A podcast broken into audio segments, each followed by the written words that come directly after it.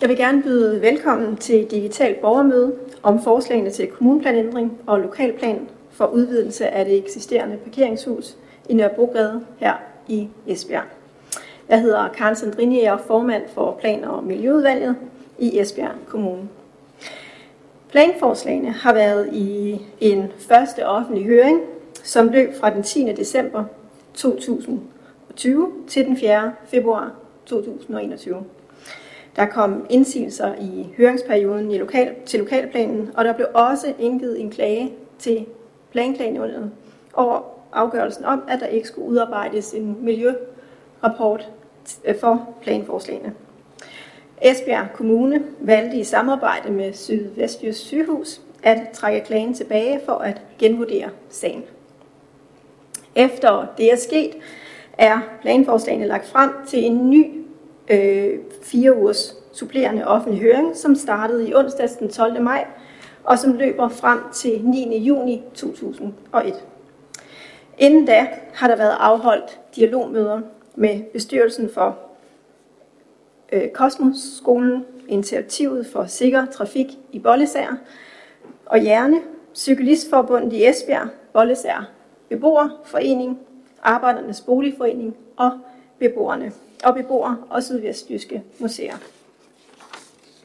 Der kom mange forskellige synspunkter frem på dialogmøderne, ikke kun til lokalplanområderne med udvidelse af parkeringshuset, men også uden for lokalplanområdet, hvor der især har været bekymringer omkring Nørrebrogade, beboere og skole i forhold til trafiksikkerhed, hastighed, tung trafik, parkeringspladser og også for og imod cykelsti.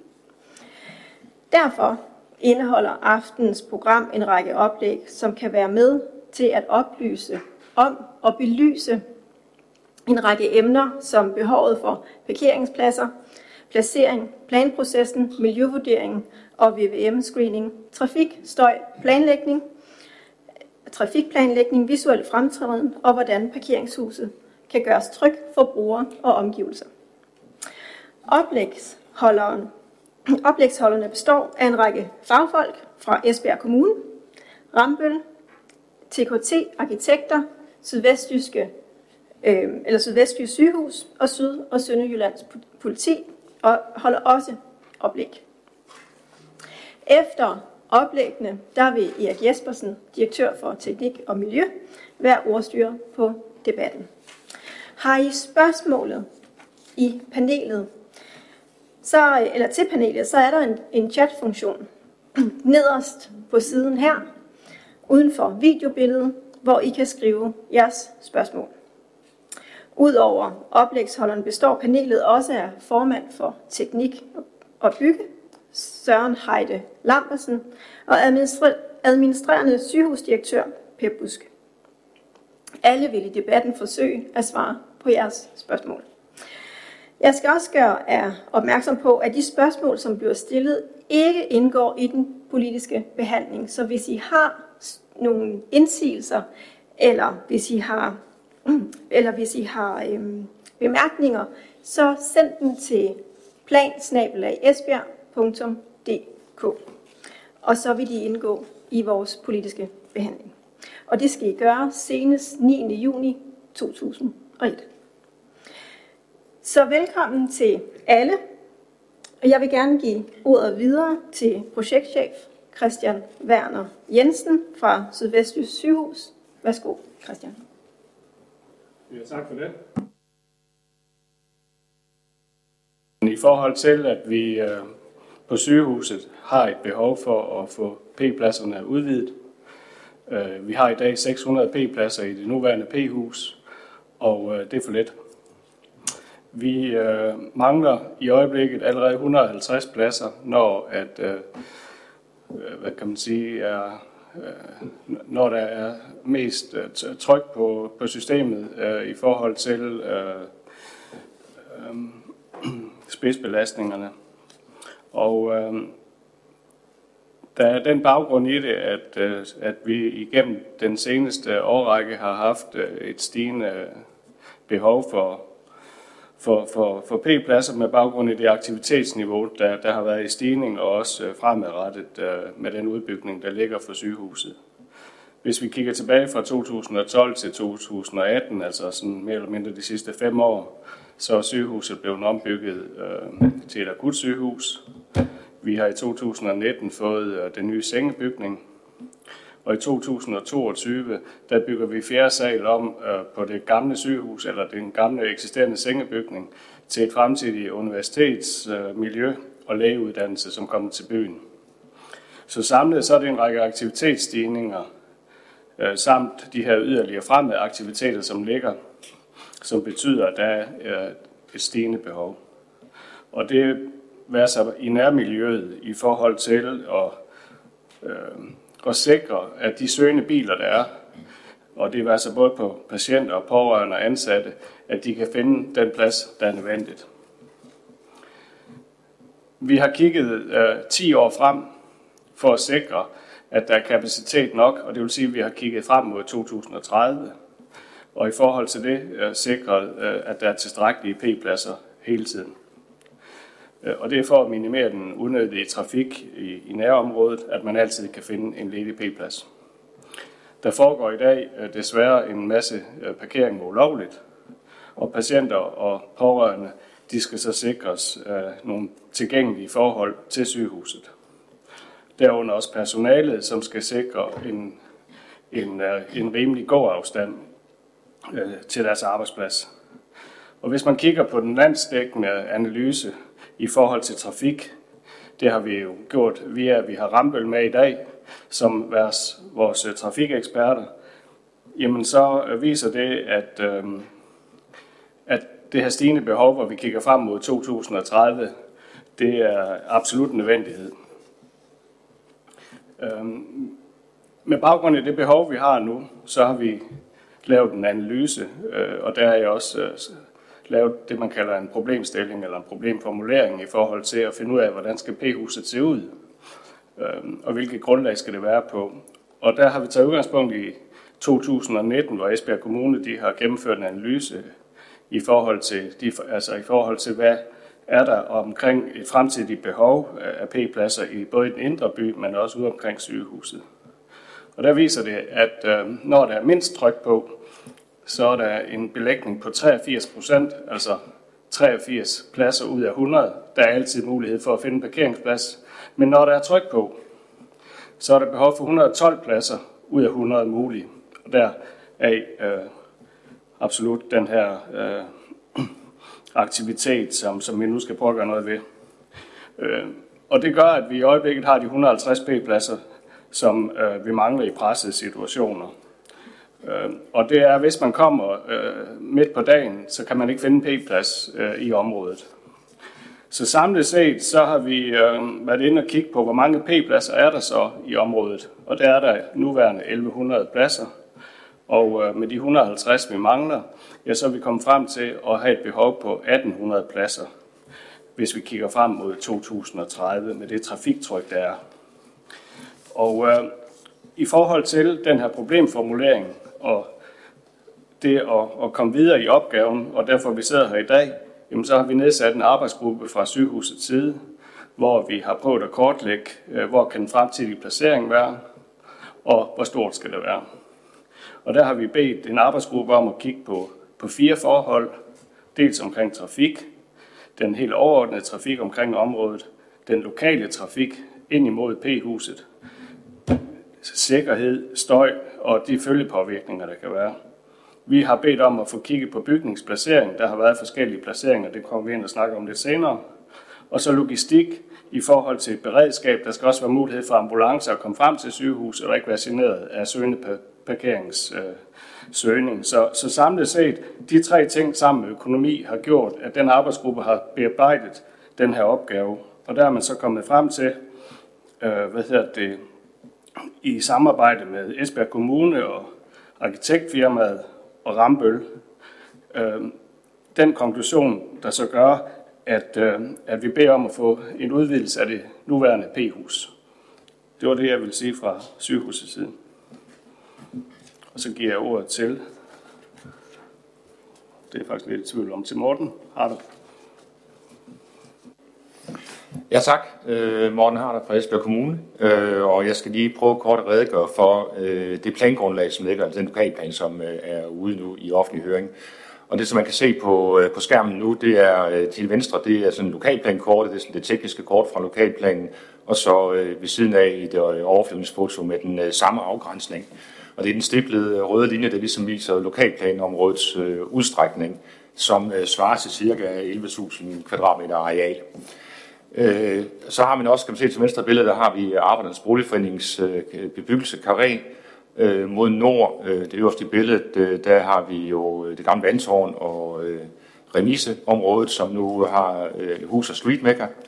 Og øh, modsat øh, banen i den øh, højre side af billedet, øh, der har vi kolonihaverne på den anden side. Og så i øvrigt er, kan man sige, at øh, lokalområdet jo er spændt ind mellem de her tekniske anlæg i forhold til jernbanen, både fra nord og øh, fra øst, som går ind mod byen.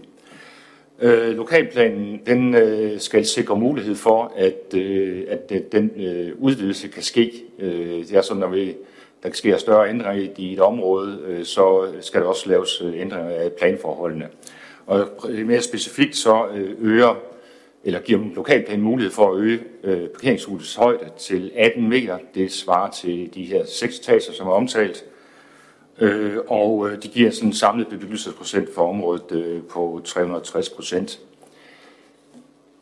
I forbindelse med øh, lokalplanarbejdet, så er der også udarbejdet en række øh, delnotater, som øh, belyser nogle af de forhold, som vi har mest har vurderet har været de væsentlige.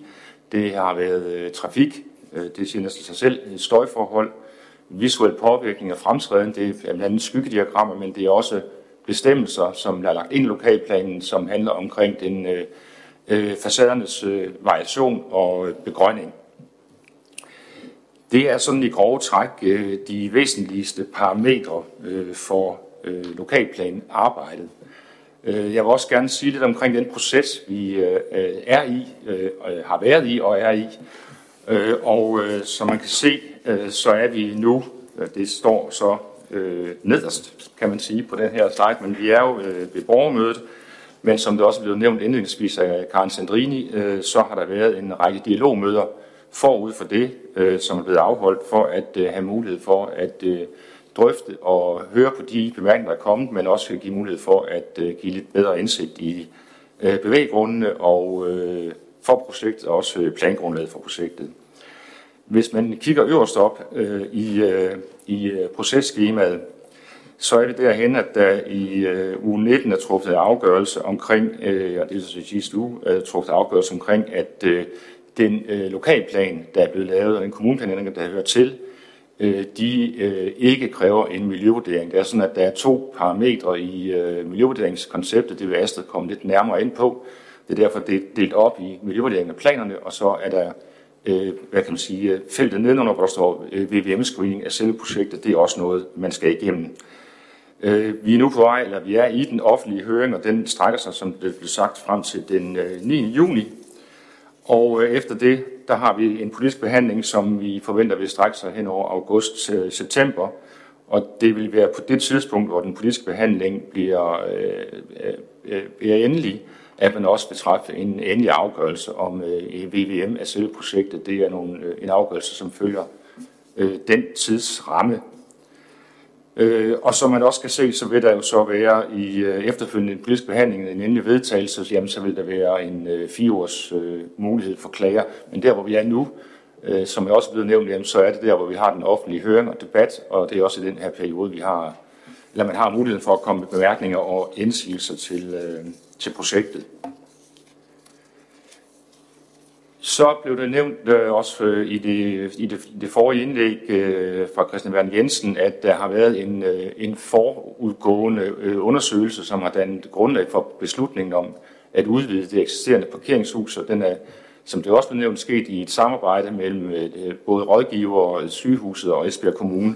Og som man kan se her, så øh, har der været Øh, man kan vel generelt sige, at der har været to placeringer i spil. Den ene har været ned mod Frodesgade, eller Jørgen Frodesgade, Østergade, men i forskellige udstrækning. Det vil sige, Øh, man kan sige, at der har været nogle med et lille fodaftryk, men hvor man har bygget højere, og der har været nogle, der et større fodaftryk, hvor man har bygget en, eller forestillet sig et øh, lavere parkeringshus. Øh, og de parametre, der er indgået i den vurdering, er også lige blevet kort nævnt. Øh, Øh, særligt kan man sige, at øh, der har, øh, det har været et væsentligt argument ud over selve trafikafviklingen og støjforholdene, at der også blev sikret fremtidige udvidelsesmuligheder for sygehuset som sygehus, men også at de bygninger og den bygnings- og øh, bygkvalitet, vi har mod frodskade, den, den kunne blive sikret, og at man altså ikke skulle ud og fjerne bevaringsværdige bygninger i forbindelse med parkeringshusplacering. Øh, så derfor så alt den lige, så har øh, den øh, arbejdsgruppe, som har, øh, hvor både sygehuset og Esbjerg Kommune har deltaget i, jamen, har peget på, at den bedste løsning vil være at udvide det, det eksisterende parkeringshus med, som sagt, de her yderligere tre etager. Det var, det var en meget kort indføring til lokalplandokumentet, og så vil jeg gerne give ordet videre til kommuneplanlægger Astrid Molke Hjort, som vil fortælle lidt mere omkring, hvad er det egentlig, der foregår inden ved miljøvurderingsscreening og, øh, og en VVM. Tak. Ja, god aften. Øhm, jeg vil som sagt prøve at sige lidt om, om miljøvurderingsprocesserne. Det er sådan så, at miljøvurderingsloven den skældner imellem miljøvurdering af planerne, som Morten også lige introducerede, det kalder man en miljørapport, og så en miljøvurdering af det konkrete projekt, som man kalder en miljøkonsekvensrapport eller en BVM. Øh, formålet med loven, det er, at man skal sikre, at miljøhensynet det bliver indarbejdet både i planerne, men også når vi skal, som myndighed skal træffe godkendelse af et konkret projekt øh, sådan så man får det indarbejdet, de her miljøhensyn, men også så, at øh, offentligheden får kendskab til, hvad er der er plusser og minuser øh, på, øh, ved, ved en konkret plan eller et konkret projekt. Øh, man kan sige, formålet med, med loven, det er ikke at forbyde at, øh, øh, at vedtage projekter eller planer, der kan have en miljømæssig konsekvens, men at man er øh, bevidst om, hvad det er, man, man træffer afgørelse om.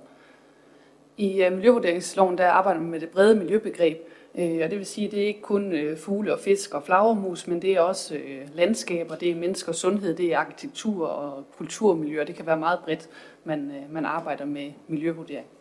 Eller miljø. Øhm, så hvis man skal snakke lidt om miljøvurdering af det konkrete planforslag, øhm, så er det sådan, så, at det er, det er sådan en lovgivningsmæssig procedure, hvor vi ender og se på, hvad, hvad kan vi forvente, der er konsekvenser ved at lave den her plan. Øhm, så starter man med at lave sådan en screening, hvor man, man ser på de konsekvenser, der kan være. Det øhm, kan I se af det schema, der er sat ind i, øh, i sliden her, at, øh, at der er sådan et, et meget omfattende schema, vi går igennem med mere end 20 forskellige miljøemner. Øh, og det er både fagfolk ved Esbjerg Kommune, men det er også øh, eksterne myndigheder, vi sender sådan noget ud til, for at få det kvalificeret og se på, hvad er konsekvenserne af den pågældende plan. I forhold til, øh, til det konkrete plan her, så øh, som nogle af de foregående indlæg har omtalt, jamen, så har det jo så har der været truffet en afgørelse tidligere, øh, hvor vi vurderede, at der ikke skulle øh, øh, laves en egentlig miljørapport på det her projekt. Vi vurderede, at vi på det foreliggende grundlag godt kunne sige, at der ikke var en væsentlig negativ indvirkning på miljøet. Øhm, den blev påklaget til planklagenævnet, og vi valgte at, at trække afgørelsen tilbage, for lige at genbesøge dokumenterne og blive enige om, har vi, øh, har vi egentlig truffet den rigtige afgørelse her. Det har vi så kigget på, og egentlig øh, nået frem til, at det var den rigtige afgørelse, vi traf i første omgang. Så derfor øh, har vi øh, haft den ude i en fornyet partshøring, fordi vi skal, skal træffe en ny afgørelse igen. Øh, og vi har afholdt de her dialogmøder og, øh, og truffet en endelig afgørelse, som også er øh, annonceret nu her, øh, i forbindelse med, at, øh, at høringsperioden den startede. Øh så øh, er det sådan så, at, øh, at loven den skældner, som Morten også øh, sagde lige før, mellem de her øh, miljøvurderinger af planerne og miljøvurderinger af de konkrete projekter. Og i forhold til de konkrete projekter, så er det sådan, at, øh, at der er det, øh, det adskiller lidt fra planerne ved, at der er nogle konkrete, altså der er nogen, der er obligatorisk VVM-pligtige, øh, og så er der nogen, der er screeningspligtige. De obligatoriske VVM-pligtige, det er typisk sådan meget store, omfattende projekter. Det er olieraffinaderier og store øh, infrastrukturprojekter, eller oplag af øh, radioaktivt affald og sådan øh, projekter, hvor man øh, på forhånd kan sige, at det vil have en væsentlig indvirkning på miljøet, hvis vi gennemfører det her. Så er der en lang række screeningspligtige projekter, som, øh, som loven den opstiller, og der hører sådan p-hus her ind under der skal man ind og, øh, og lave en screening, øh, lidt på samme måde som vi gjorde med planerne. Der er et fast schema med øh, en, øh, en lang række af øh, miljøfaktorer, man skal ind og vurdere på. Øh, og det har vi jo så gjort i, det her, i forhold til det her konkrete projekt. Øh, det har vi så øh, fået kvalificeret ved øh, en masse fagfolk ved Esbjerg Kommune. Det har været i høring ved berørte myndigheder, og det har været ude i en partshøring. Øh, og, øh, og vi har så også holdt de her dialogmøder øh, parallelt med partshøringen. Øhm, så øh, som Morten han, øh, han nævnte tidligere, så, øh, så afgørelsen for det her, den, øh, den venter på, at, øh, at lokalplanen bliver endelig vedtaget. Men det, der er lagt op til, det er, at der ikke skal træffes, eller der ikke skal udarbejdes en miljøkonsekvensrapport for det konkrete projekt. Øhm, når det så er sagt, så er det jo ikke det samme som, at, øh, at der ikke kan være udfordringer i et område, men i forhold til miljøvurderingsloven, så er det ikke, øh, det, det skal være det konkrete projekt, der udløser øh, problemerne for, at det er øh, det her redskab, man tager i brug.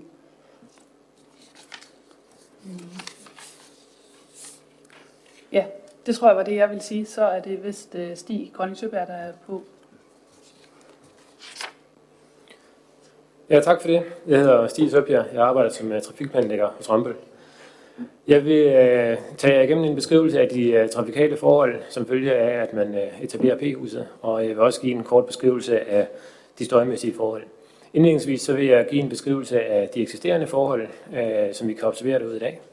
Så vil jeg beskrive en situation, som jeg kalder for basissituationen, som I kan se på sliden her, øh, som beskriver en situation i år 2030, hvor øh, man ikke udvider P-huset, og bagefter vil jeg fortælle om en situation øh, ligeledes i år 2030, hvor man udvider P-huset.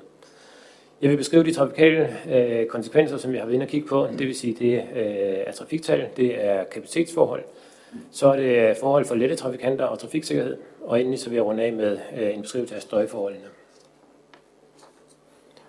Først de eksisterende forhold, der har vi udvalgt et, øh, et vejnet, som I kan se her, det røde vejnet, som er Nørrebrogade, Nørrebrogade, ned fra Jernbanegade op til Strandby Kirkevej.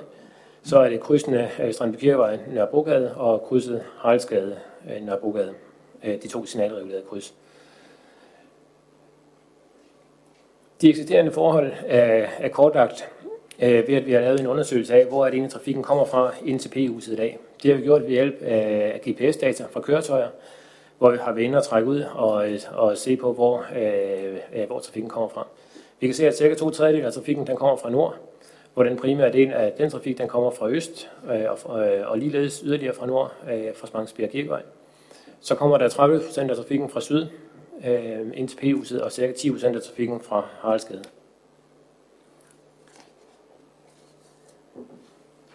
Den her slide den viser de eksisterende trafiktal, som vi har været inde og trække ud, dels fra øh, tællinger, som Esbjerg Kommune har lavet, og dels fra Esbjerg Kommunes trafikmodel. Og der kan vi se, at der kører cirka øh, knap 5.000 køretøjer øh, på den nordlige del af Nørrebrogade, og, og cirka øh, 3.000 køretøjer på øh, den sydlige del af Nørrebrogade, syd for P-huset. De nuværende kapacitetsforhold, der kan vi se, at der i det nordlige kryds ved, øh, øh undskyld, ved Strandby Kirkevej og, øh, og Nørrebrogade, er der en del øh, svingstrømmen og, øh, øh og trafikstrømmen, som i den nuværende situation har nogle udfordringer øh, i morgen og i eftermiddagspidstimer. Altså det vil sige de perioder om morgenen, hvor der øh, er allermest pres på, og i de perioder om eftermiddagen, hvor der er mest pres på. Det betyder ikke, at der er kødannelse her over øh, en hel time om morgenen og om eftermiddagen, men der er nogle perioder, et kvarter, en halv time måske, hvor der kan være øh, mere pres på, og hvor man vil kunne observere øh, kødannelser på de her svingstrømme, som er markeret på kortet. rent trafiksikkerhedsmæssigt har vi været inde og kigge på, hvad er det for nogle øh, foranstaltninger, som der er på Nørrebrogade i dag. Og der kan vi se, at der er et øh, bump med det, vi kalder støttepunkt ud for skolen. Et støttepunkt, det er sådan, at man kan krydse Nørrebrogade øh, øh, i to tempi, så man ikke skal hele vejen over på en gang, men som man kan også orientere sig fra en retning på en, gang, øh, øh, på en gang, gå halvvejs ud, orientere sig fra den anden side, og så fortsætte over.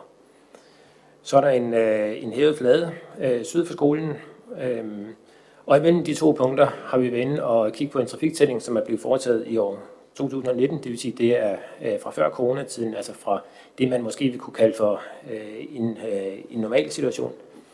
Imellem de her to bump, eller de her to foranstaltninger, bumpet og den hævede flade, har vi registreret, at der er en øh, gennemsnitshastighed på 39 km i timen. Og det vil sige, det er cirka 10 km i timen under den skiltede hastighed, som der er i dag. Andelen af tunge køretøjer har vi registreret, at øh, den ligger på øh, 3,9 procent. Og det er som sagt i, øh, ud fra en tælling i år 2019. Og det vil sige, det er fra før, at, at vi havde omlægningen af bustrafikken til Torgade. Så vi må formode, at den andel af tunge køretøjer er, er lidt lavere i dag. Så har vi en trafiktælling ligeledes øh, syd for Haraldsgade, og der viser gennemsnitshastigheden øh, en hastighed på 43,5 km i timen, altså igen under den øh, skiltede hastighed, og andelen af tunge køretøjer er ligeledes på ca. 3,5 procent. De to andel af tunge køretøjer øh, ligger erfaringsmæssigt ret lavt i forhold til, hvad man ellers kunne forvente, og det siger os, at, øh, at den mængde tunge køretøjer, der er på Nørrebrogade, primært relaterer sig til noget ærnetrafik i området, øh, det vil sige renovationskørsel og, øh, og varekørsel, øh, der kan være og kun i mindre grad øh, af gennemkørende lastbiltrafik på Nørrebrogade.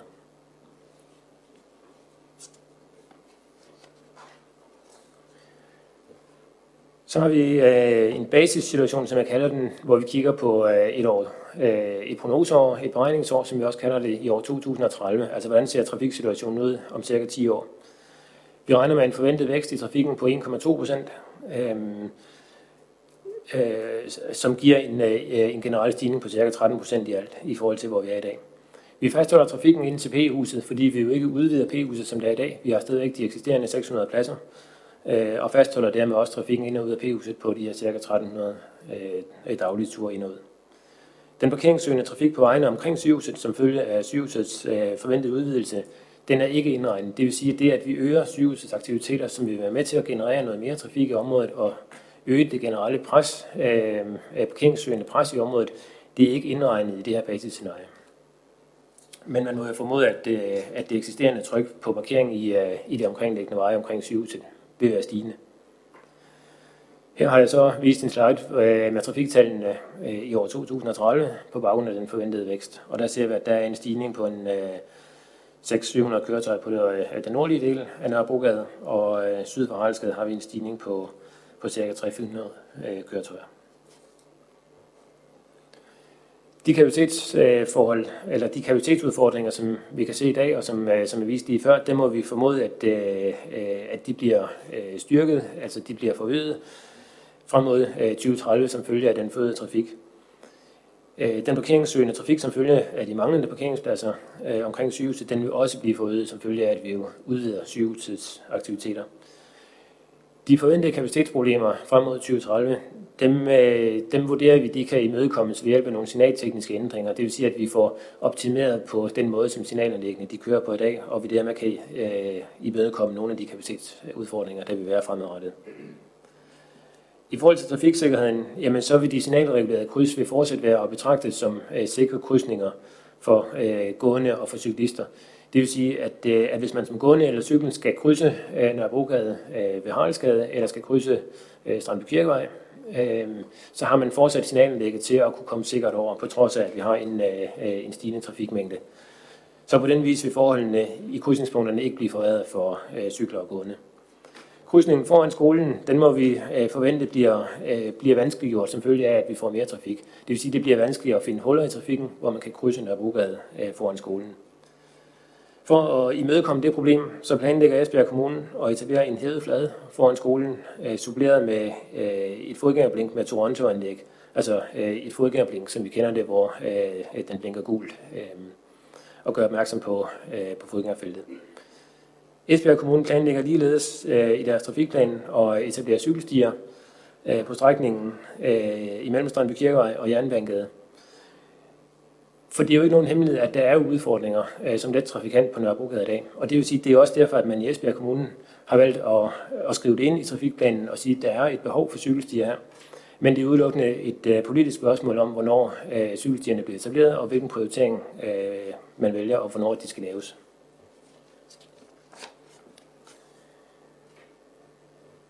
Når vi så går videre til projektforslaget, det vil sige, at vi etablerer P-huset, vi udvider P-huset øh, med de 600 pladser, så kigger vi igen på en situation i år 2030, det vil sige, det er sammenlignet med det, som jeg lige kaldte øh, for basissituationen. Vi regner fortsat med en trafikal vækst på 1,2 procent, men nu øger vi øh, trafikmængden til og fra P-huset med 1200 daglige ture, svarende til, at, øh, øh, altså svarende til, at øh, hver plads bliver udskiftet en gang i døgnet. Ankomstfordelingen øh, til og fra P-huset og til og fra de her nye pladser, den følger den ankomstfordeling, som jeg kunne registrere til de eksisterende pladser i dag. I realiteten så vil P-huset, øh, eller så regner vi med, at P-huset kun vil være 80% øh, udnyttet i driftsfasen. Øh, eller vi forventer, at P-huset kun vil være 80% udnyttet, når vi kommer til driftsfasen, det vil sige, når vi har fået etableret P-huset færdigt. Men det vi regner med i analysen her, er, at det vil være 100% udnyttet. For der vil selvfølgelig være perioder, hvor det vil være fuldstændig øh, øh, fyldt, og det vil sige, det er også den periode, som vi regner med i analysen her. Men i hverdagssituationen regner vi kun med en 80% belægning af P-huset. Tilsvarende så har vi en stor del af områdets øh, eksisterende parkering på boligvejene. Den forventer vi bliver overflyttet til P-huset. Men det er ikke noget, som vi lægger ind som et beregningsgrundlag. Det vil sige, at vi har ikke forventet, at der kommer aflastninger på nogle af vejene i de analyser, vi har lavet, selvom der i realiteten må forventes at være en aflastning. Trafiktallene i projektforslaget ved øh, udvidelse af P-huset er vist på den her slide. Og der kan vi se, at der vil ske en forventet stigning på yderligere 600-700 køretøjer på den nordlige del af Nørrebrogade, og ca. 400 køretøjer på den sydlige del. Fra Haraldsgade vil der ankomme ca. 200 øh, øh, ekstra køretøjer ind til, ind til P-huset i forhold til den trafik, som vi har observeret i dag. Eller undskyld, i forhold til den trafik, som vi har observeret i år 2030 uden etablering af P-huset. Vi forventer fortsat, at øh, de kapacitetsudfordringer, som vi, øh, som vi har kunne registrere, eller som vi forventer i, øh, i år 2030, vi forventer fortsat, at de vil kunne imødekommes med de nævnte signaltekniske tiltag. Det vil sige, at vi kan optimere signalanlæggene og forbedre trafikafviklingen igennem signalanlæggene. Der kan kortvarigt være noget kødannelse ved udkørslen fra P-huset, men det er ikke noget, som vi øh, vurderer er specielt relevant, og, øh, og det, er ikke, det er ikke betydende for, øh, for trafikken på Nørrebrogade. Rent trafiksikkerhedsmæssigt, jamen, så er de signalregulerede kryds fortsætter betragtet som, øh, øh, som sikre krydsninger for, øh, for gående og cyklister, som jeg også var inde på lige før. Øh, så sikrer signalreguleringen, at man, at man kan komme sikkert øh, på tværs af vejene. De foreslåede tiltag fra øh, det, jeg kaldt øh, for basissituationen, med øh, etableringen af, øh, af Torrensundæk, altså fodgængerblink øh, foran skolen, og øh, de planlagte cykelstier, de vil være øh, tilstrækkelige til at kunne opretholde en, øh, en, tilfredsstillende trafik, en tilfredsstillende trafiksikkerhed på Nørrebrogade.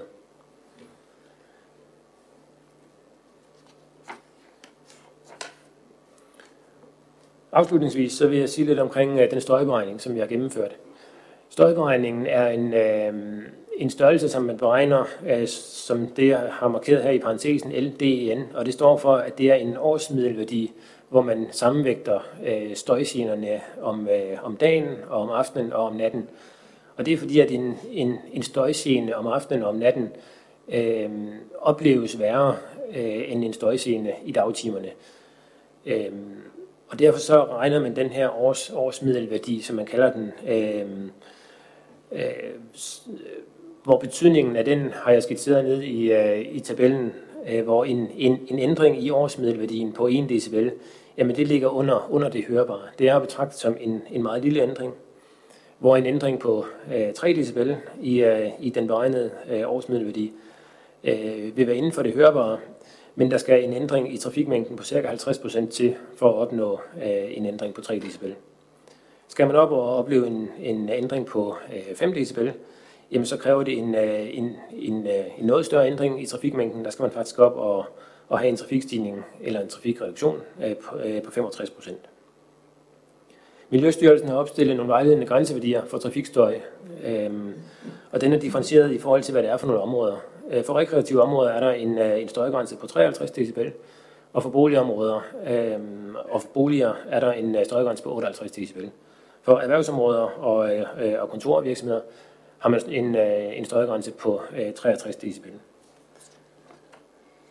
Og går vi over på øh, den sidste slide, hvor, vi, øh, hvor jeg har vist resultatet af den støjberegning, som vi har gennemført, der kan vi se, at der over til venstre, som viser basissituationen uden etablering af P-huset, i forhold til projektforslaget, hvor vi udvider P-huset, jamen der sker en støjændring på øh, cirka 1 dB. Og det vil sige, at vi forventer, at, øh, at støjbelastningen på Nørrebrogade vil være under det, øh, under det hørbare. Det var min sidste slide, så jeg vil give ordet videre til øh, Søren Trøder fra Esbjerg Kommune.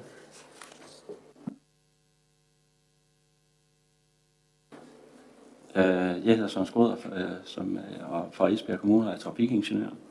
Og øh, det, jeg skal øh, for, fortælle lidt om, det er den trafikplan, øh, som byrådet de, øh, vedtog i 2019.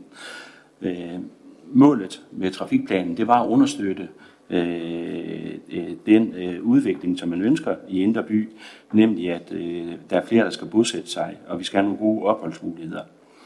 Øh, det øh, trafikplanen, den, øh, øh, den øh, egentlig øh, går ud på, det er, at de gående og de cyklende og den kollektive trafik, de får bedre forhold, end de har i dag. Man ønsker således, øh, at der er flere, der skal cykle i, øh, i byen, og helst, øh, helst øh, lidt mindre øh, trafik. Øh, men man ønsker samtidig god øh, fremkommelighed for personbiler til de store parkeringsanlæg. Og øh, det vil sige, at bilen den skal foregå i et mere øh, roligt øh, tempo. Øh, biltrafikken skal foregå i et mere roligt tempo.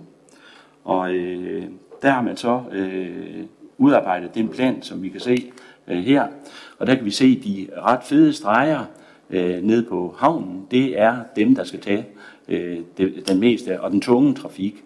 Så har vi et, øh, et lag under.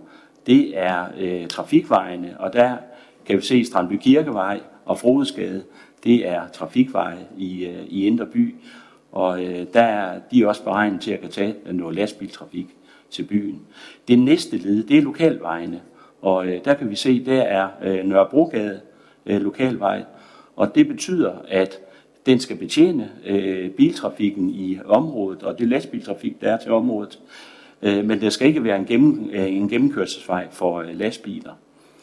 Øh, planen den viser i øvrigt, hvor øh, der er planlagt øh, cykelstier, og det kan vi se der også i Nørrebrogade og i øh, Strandbygade øh, derinde. Og øh, der, øh, der, der kan vi øh, fortælle, der kan jeg fortælle allerede nu, øh, der har man øh, planer om at øh, etablere det manglende cykelstianlæg op ved Spangsbjerg Kirkevej og øh, ned til øh, Krogvej og øh, som Stig sagde, så etablerer vi også et nyt signalanlæg her til øh, efteråret. Det signalanlæg det bliver med øh, særskilt øh, faser for øh, cyklerne, og der bliver øh, mere plads til de ventende cykler, som øh, øh, flere beboere øh, har øh, givet udtryk for, at der mangler. Øh, så, øh, og så øh, kan vi se på øh, den øh, næste slide, øh, der kan vi se det, der også skal ske i området, det er, øh, som, som I sikkert ved, at så øh, arbejder man med Remiseparken, og der bliver etableret i første omgang en grussti, øh, men ellers en udmærket cykelsti, og den bliver etableret over for Vestergade Langlandsvej og ind igennem området og rammer Remisevej. Og det vil sige, at øh, man kan cykle, øh, børnene øh, til skole kan cykle fra, fra de områder, kan cykle af den vej, og når den rammer Nørrebrogade, så regner vi med, at vi laver yderligere en øh, hastighedsdæmpende foranstaltning øh, på øh, Nørrebrogade.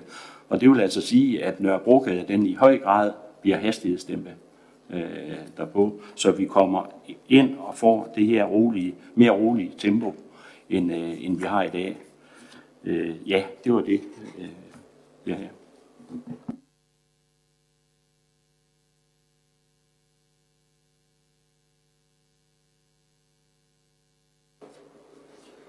Ja, jeg hedder Søren Vestergaard, jeg er arkitekt, kommer fra TKT Arkitekter, og jeg skal prøve at redegøre lidt for den visuelle, fremtid, eller visuelle fremtræden af, af P-huset efter en, øh, efter en udvidelse. Det handler altså om, hvordan det indgår i miljøet, hvordan det ser ud i området, og hvordan det påvirker for eksempel med skygger og sådan nogle ting. For at se på det, så øh, har jeg startet med at kigge lidt på, øh, hvordan det egentlig øh, sådan formelt indgår i, øh, i øh, den bymæssige sammenhæng. Og der er det lidt specielt ved, at P-huset, som øh, Morten også var inde på helt i indledningen, øh, rent faktisk øh, ligger ude i sådan en kile imellem de to øh, jernbanespor, dels jernbanesporet østpå og dels det, der går nordpå. Så der er sådan en kile der med, øh, med sådan nogle øh, tekniske infrastrukturanlæg, øh, og, og der hører det egentlig til ude. Og der, derfra har det egentlig også sin skala. Det er sådan en lidt stor øh, bygning, som er lidt øh, øh, anderledes end de boligbyggelser, der ligger rundt omkring. Så det ligger for sig selv ude i og hører til den der øh, kile. Hvis man zoomer lidt ind øh, på, øh, på det billede, som jeg forsøgte at forklare før, så kan man se her de to gule pile.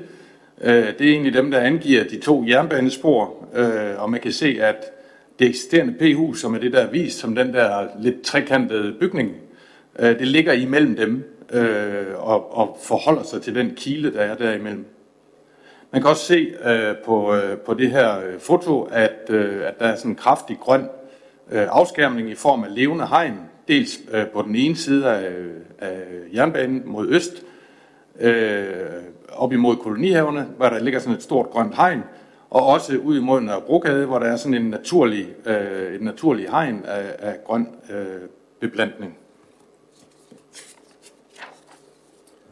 Og hvis man kigger på, hvad det grønne øh, det betyder for, øh, for kilen og for, hvordan det fremstår, øh, så betyder det, at kilen den, nede på det her sted i hvert fald er, øh, er afskærmet øh, sådan ret kraftigt af den grønne beplantning. Det der er tanken, man vil forsøge, det er jo, øh, at, at, at hvad hedder det, P-huset, som ligger op på sådan en øh, forhøjning, en plint imellem de to, øh, imellem de to jernbanespor, at den begrønning, der ligesom øh, kravler op af den der, øh, de der grønne skråninger, at det også fortsætter op af bygningen, så bygningen kommer til at fremstå som sådan et begrønnet volumen, der ligger ude midt i, øh, i den her kile.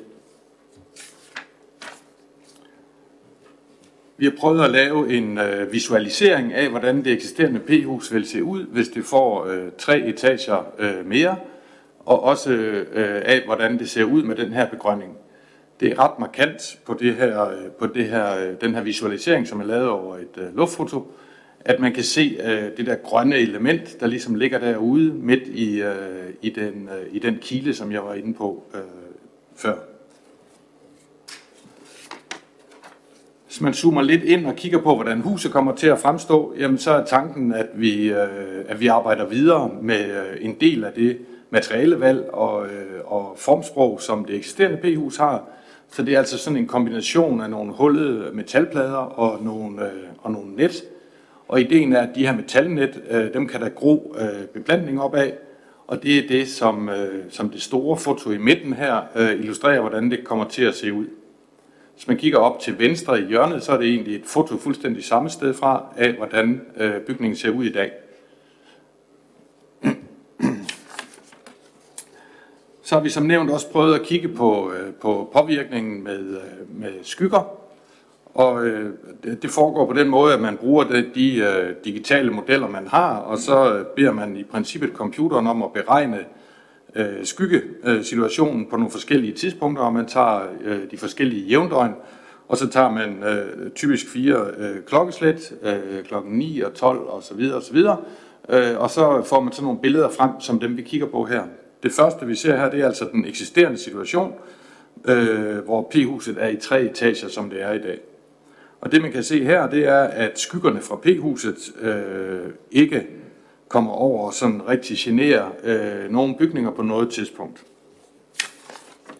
Så har vi prøvet at lave en tilsvarende øh, øh, simulering, hvor vi kigger på, øh, på det 6 etage høje P-hus og ser, hvordan ser det så ud med skygger. Og det man kan se af det her, det er, at der er to tidspunkter, henholdsvis øh, forårsjævndøgn og efterårsjævndøgn, hvor man tidligere om morgenen, øh, Øh, her er det øh, øh kørt klokken 9, øh, vil kunne se, at der bliver skyggen selvfølgelig, i og med bygningen er blevet højere, så bliver slagskyggen også længere.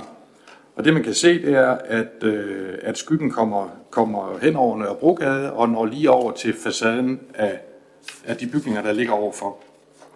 Hvis man zoomer ind på problemstillingen og tager en af de to, her er det 21. september kl. 9, så kan man se, at øh, der er nogle af bygningerne nede for neden på fotoet her, eller på illustrationen, som ligneragtigt bliver, bliver berørt ned i bunden af bygningen af skyggen.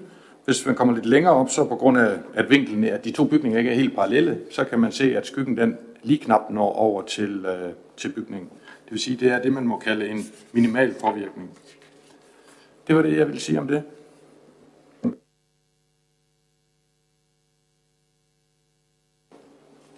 Ja, Christian Østergaard fra Syr Sønderlands politi. Det politiet har været inddraget i og se på, det er tryghedsoplevelsen for P-husets brugere og naboer. Politiet vil nemlig gerne have de tryghedsskabende og kriminalpræventive tænkt ind allerede i planlægningsfasen. Derfor er vi i politiet glade for at blive inddraget i det allerede nu. Man kan nemlig med design og indretning øh, skabe mere tryghed. Konkret har politiet øh, sammen med sygehusets projektafdeling lavet en tryghedsgennemgang af de eksisterende P-hus om dagen og om aftenen, hvor vi har set på, hvad der skal til for at gøre P-huset mere tryg for P-husets officielle brugere, og hvad vi kan gøre for at begrænse uhensigtsmæssig adfærd i P-huset til tjener for P-husets naboer og brugere. Vi har blandt andet set på hastighedsbegrænsning, adgangsforhold, adgangsbegrænsning, tv-overvågning, belysning i, i P-huset og på adgangsvejene, ja hele vejen fra sygehuset og over til P-huset. Det handler også om vedligeholdelse af P-huset, rengøring, skidt afler mere skidt, øh, uorden fører til mere uorden, det vi også kalder broken windows-teorien, Øh, bliver det første øh, vindue knust, så er det ikke så svært at knuse de resterende, og der sker et skridt i normer, og dermed bliver det utrygt at være i P-huset. Det handler også omkring den uformelle sociale kontrol, altså øjnene på gaden, naturlig overvågning. Vi vil gerne have de omkring boende til at og, og ligesom være nogen, der, der kan se, hvad der sker over i P-hus, uden at man skal holde øje med selve P-huset. Bare følelsen af, at der er nogen, der holder øje med en, det betyder både for, noget for dem, som vil benytte øh, P-huset øh, uretmæssigt, og så for de brugere, der er derovre. Det vi konkret gør i politiet, det er så at lave nogle anbefalinger om, hvad der er ud fra politiets viden omkring tryghed, og også forskning om, om hvad der skaber tryghed, kommer nogle anbefalinger til øh, projektafdelingen. Ser vi så på anmeldelser over fra P-huset af, så er det ret få anmeldelser, vi har derovre fra. Men det er vigtigt at understrege, at borgere og naboer derovre, at de anmelder de forhold, der er, så at vi også får mulighed for at gå noget ved dem. Politiet de patruljerer også af egne initiativ derovre, øh, for ligesom at se, at alt er, som det skal være. Tryghed for både øh, brugere af P-huset og også naboer, når det er en af de vigtigste opgaver for politiet.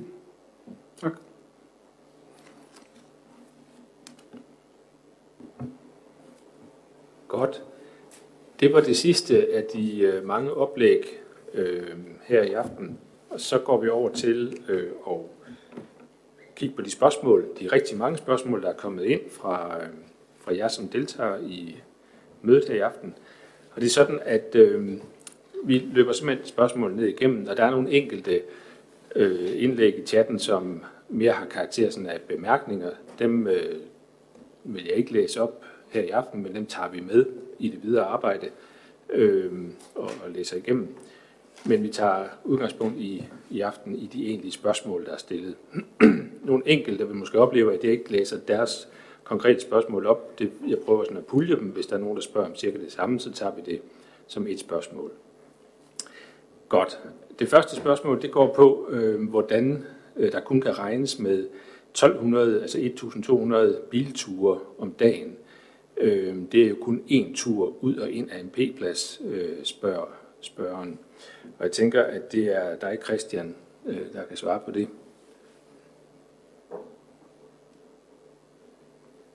Ja, øh, i forhold til 1200, så er det jo selvfølgelig i forhold til, hvad er de 600, og, og øh, og man skal ind og ud. Og, øh, altså baggrunden øh, vil jeg måske i virkeligheden godt lige bede øh, Rambøl om at, at, at kortlægge, ikke for at lægge opgaven frem, men, men det ligger som en del af det indlæg, som øh, Rambøl har, har haft i deres grundlag i forhold til og den fremlæggelse, som Stig han har sat væk. Stig, om du kunne hjælpe lidt øh, med, øh, med den øh, kortlægning. Jo, det kan jeg godt prøve at gøre. Det er ud fra en betragtning om, at vi forventer, at det primært vil være øh, øh, ansatte på sygehuset, som, øh, som vi holder der, som kører an og stiller bilen, og så kører igen øh, om eftermiddagen. Så udskiftningen vil være ret lav, øh, forventer vi øh, på P-huset, som det ser ud. Og så er det også med udgangspunkt i de eksisterende pladser derovre, som, øh, som vi har kigget på, hvor meget trafik der egentlig kører ind og ud. Det er, det er også et af de udgangspunkter, vi har taget.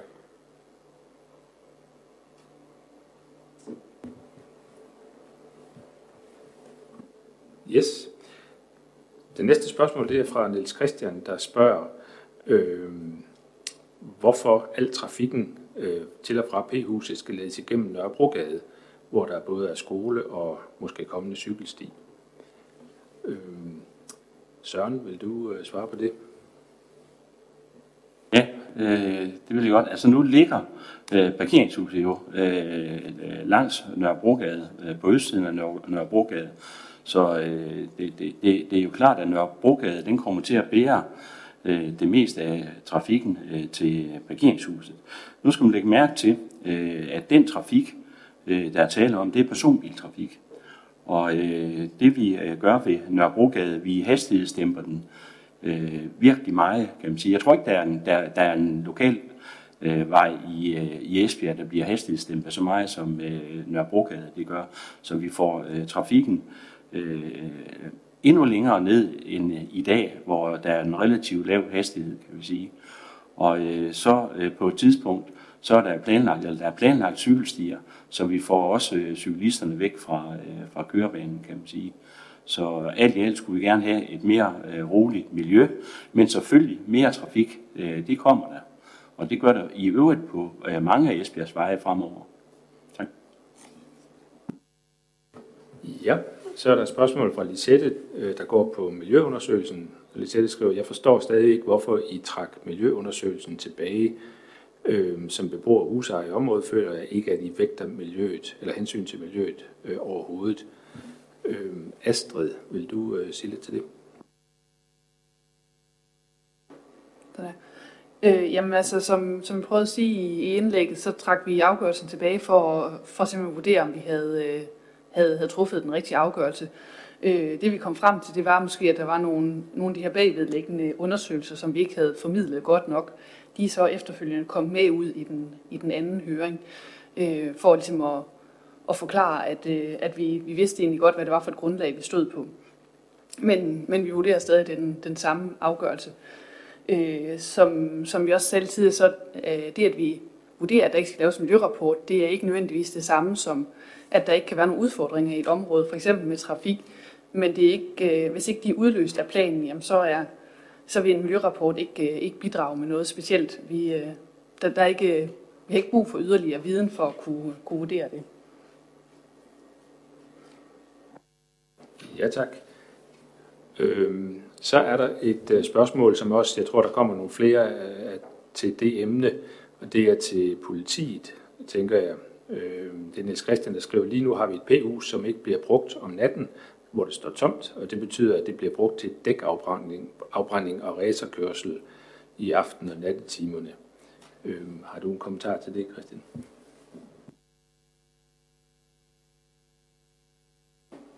Ja, det har det. Øh, det har vi netop også set på øh, i, i forhold til det, øh, det nye P-hus, at det blev indrettet, så man ikke kan køre dørtræk over. Og det handler om at få nogle hastige hastighedsstemmende foranstaltninger etableret derovre.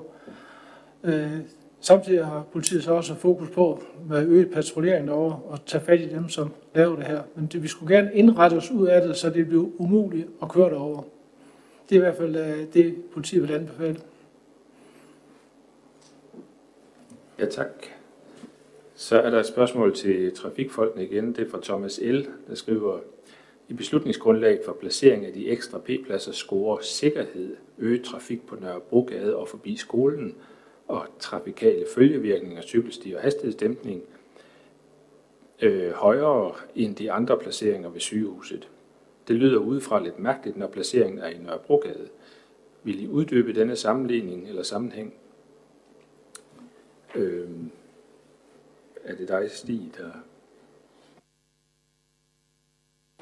Ja, det kan jeg godt lige prøve.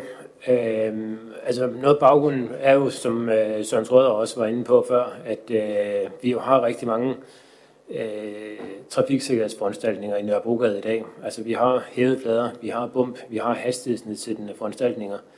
Øh, vi har også krydsningshælder, som jeg var inde på øh, i mit oplæg, så vi har faktisk rigtig mange foranstaltninger, som øh, er med til at, øhm, øh, øh, Øh, og, hjælpe til og, øhm, og dæmpe generne fra trafikken. Jeg ved ikke, Søren, om du har noget at, at supplere med? Nej, ja, ja øh, altså det, det, det, en ting det er så øh, foranstaltninger, øh, vi har i dag, og så har vi selvfølgelig også øh, vurderet øh, tidligere, hvordan er ud- og indkørselsforholdene i øvrigt, kan man sige, på, på et af de forslag, eller på det forslag, der er det alternative forslag, eller det forslag, der var, der var drøftet dengang. Og det er altså også ret kompliceret nede i øh, Frodesgade, Østergade, Finsensgade, hvor vi har ambulancekørsel øh, ind.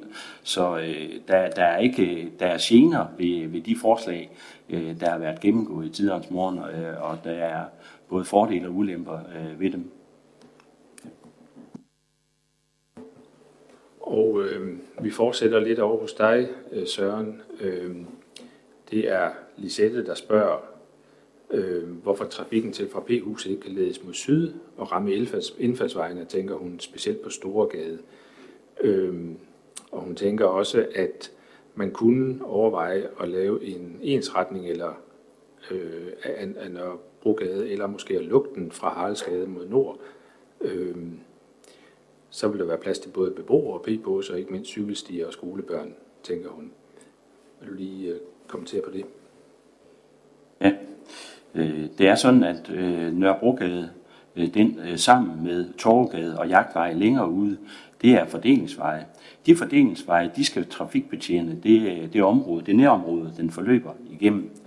Og øh, vi kan ikke undvære en af de fordelingsveje, så, øh, så vil vi overflytte øh, trafikken på Torvegade, som også er en skolevej, ligesom øh, Nørrebrogade. Øh, og øh, derfor kan vi ikke undvære Nørrebrogade som en lokalvej.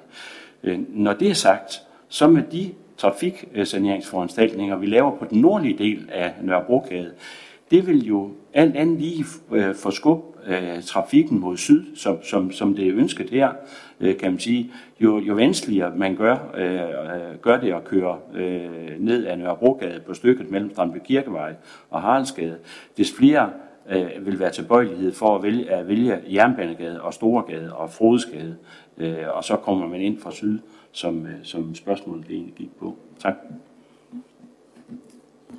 Ja. Og så er der et spørgsmål fra Trine Falbe, der spørger til øh, Sydvestjysk sygehus. Hvad tænker SVS i forhold til afstanden fra P-huset til sygehuset for patienter? Der er langt at gå for dårligt gående, patienter med smerter og for eksempel fødende. Jeg tænker, Per, du kunne svare på det. Ja, det vil jeg gerne. Øh, jamen, det er sådan, at den, den plan, vi sådan set har, det er, at øh, de øh, parkeringspladser, der er tæt på sygehuset, altså dem, der ligger umiddelbart rundt om sygehuset, skal reserveres til, øh, til vores patienter, øh, sådan at de har kort vej hen til, øh, til indgangene.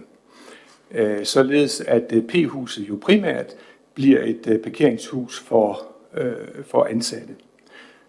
Og det er faktisk også den måde, det, det, det i vid udstrækning bliver brugt i dag. Så vi vil prioritere det sådan, at dem, der er dårligt gående, dem, der er vores patienter og pårørende, at de kan øh, parkere tæt på, på sygehuset. Ja, tak. Så er der et spørgsmål omkring støj fra Lisette, øh, der spørger, hvorfor er der ikke lavet støjmålinger mellem husene i Nørrebrogade og nord for Haraldsgade. Øhm, hun tilføjer, at støjmålinger åbenbart kun foretaget på et forholdsvis åbent areal ved krydset Haraldsgade og Brogade. Støjen fra trafikken er meget generende mellem husene, det støjen ikke trækker væk, men runger mellem husene i stedet. Øh, Stig, vil du øh, svare på det? Ja, det vil jeg gerne. Altså støjberegningerne er lavet øh, efter de standarder, som man laver støjberegninger. Det vil sige, at man kigger på facadestøjen øh, ud imod øh, i det her tilfælde Nørrebrogade. Og det vil være derude, hvor støjbelastningen den er størst, i og med at den ligger tættest på, øh, på vejen og på støjkilden. Og så er det da korrekt, at der sker også noget refleksion ind imellem bygningerne. Øh, men når vi ikke kan konstatere en, øh, en ændring i støjniveauet på over 1 decibel på facadestøjen ud imod vejen, jamen så forventer vi heller ikke, at den er højere øh, ind imellem bygningerne. Godt. Så er der et spørgsmål fra Thomas L. her omkring trafik også. Øhm, han skriver, at trafiktiltag i basissituationen er tilstrækkelige for at sikre trafiksikkerheden med øget trafik på grund af p-husudvidelsen. Men hvad nu hvis øh, basistiltag med cykelsti ikke laves, inden p-husudvidelsen er gennemført? Er der så problemer med trafiksikkerheden i Nørrebrogade? Stig? Jamen, som jeg var inde på, så, øh, altså, så øh, er vi jo ikke uenige i, at der er et behov i forhold til at få lavet cykelstierne allerede i basissituationen. Øh, hvorvidt cykelstierne laves, øh, det, det, det er øh, en politisk øh, prioritering. Øh, men det er ikke udvidelsen af P-huset, øh, som gør, at der øh, bliver behov øh, for cykelstierne. Det er sådan set noget, som vi allerede kan konstatere i dag, og det er også det, som man kan se af trafikplanen, som øh, Søren Trøder også var inde på, at det er nævnt i trafikplanen som et ønske øh, at lave øh, cykelstier i Nørrebrogade.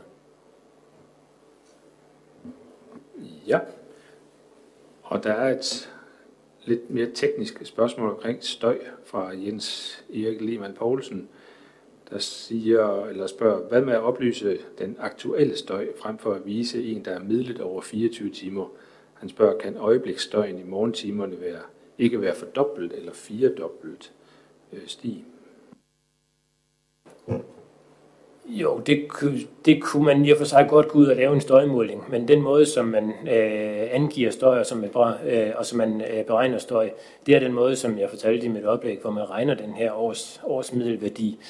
Øh, for ellers har man ikke mulighed for at sammenligne mellem de grænseværdier, som øh, Miljøstyrelsen har opstillet. Men vil kunne gå ud og foretage en støjmåling i dag, og så sammenligne med de grænseværdier, som er opstillet. Det vil være øh, øh to usammenlignelige tal. Så man bliver nødt til at gøre det på den standardiserede måde, som der er beskrevet, at øh, man foretager støjberegninger på. Ja. Endnu et uh, trafikspørgsmål, jeg tror det er til dig, Søren. Uh, det er Peter Serup, der spørger, hvordan vil I sikre, at Nørrebrogade ikke fortsat er en gennemgangsvej? Der, der, der er ikke noget, der tyder på, at uh, Nørrebrogade er en, uh, er en gennemfartsvej uh, i dag, uh, for, uh, jo især for, uh, for lastbiltrafikken. Uh, på uh, lokal, de lokale uh, gader i, i Midtbyen, altså Torvgade, Nørrebrogade og Jagtvej, uh, Øh, det er de nærmeste, øh, der, der vil der selvfølgelig være en vis øh, del af trafikken, der, der, der kører igennem området. Men, men jo mere vi trafikdæmper, des, des mindre bliver den gennem, gennem, gennemkørende trafik på, på de gader. Og det, det er jo især lastbiltrafikken, som er uønsket, altså den gennemgående lastbiltrafik. Og vi har en meget lav lastbilandel i Nørrebrogade. Ja. Ja, og vi fortsætter i øh, trafikområdet. Christian Lyer, han oplister en øh, række tal fra de øh, dataindsamlinger, der har været på trafikområdet. Jeg vil ikke øh, lige citere dem alle sammen her, øh, men han stiller spørgsmålstegn ved, om øh, det er rigtigt, når man øh, sådan fra fagpersoners side her beregner gennemsnitlige tal på baggrund af de øh, trafikmålinger, man har lavet øh, hvor han ligesom spørger ind til, passer den slags gennemsnitstal særlig godt med virkeligheden? Jeg ved ikke, øh, Søren eller, eller Stig vil kommentere på det.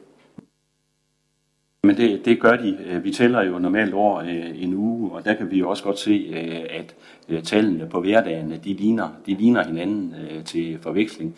Men og det, det er klart, der er jo selvfølgelig forskel i månederne imellem også, kan man sige. Men øh, den måde, vi regner på, der regner man jo gennemsnit over, øh, over øh, hele året, så kalder vi det årsdøgnet øh, gennemsnit. Ja, det kan være, du supplerer. Ja, jeg kan da lige supplere med at sige, at de analyser, vi har lavet, der har vi også været og kigge på trafikken specifikt om morgenen og om eftermiddagen. Og det er jo også de kapacitetsforhold, som, øh, som jeg nævnte i mit oplæg øh, i morgen og, øh, øh, i morgen og eftermiddagssituationen. Så på den måde så har vi været inde og så kigge på, øh, øh, på spidsbelastningsperioderne, og ikke kun på gennemsnitlige øh, årstal. Men det er de gennemsnitlige årstal, som vi har valgt at vise her. Ja, og så lige et spørgsmål mere til dig, Søren. Øhm, det er Peter Serup, der spørger her. Der er en stor trafik med biler, med trailer, men mere på Remissevej øh, til og fra kolonihaveområdet. Hvordan, hvordan hænger det sammen med en sikre cykelsti via Remissevej, spørger Peter. Nu har vi ikke lavet øh, den detaljerede plan for, øh, for cykelstier, men øh, vi er opmærksomme på øh, forholdene ved Remissevej, især ved udkørselen til øh, Nørrebrogade. Så øh, en ensretning øh, fra Nørrebrogade mod øh, øst Øh, det, kunne, det kunne nok være en, øh, en, en god idé, øh, kan man sige, så man ikke har udkørsel fra Remisservej til øh, Nørrebrogade. Øh, men øh, det, det er ikke endelig besluttet endnu, men det, det var da en tanke, en nærliggende tanke af i hvert fald. Så.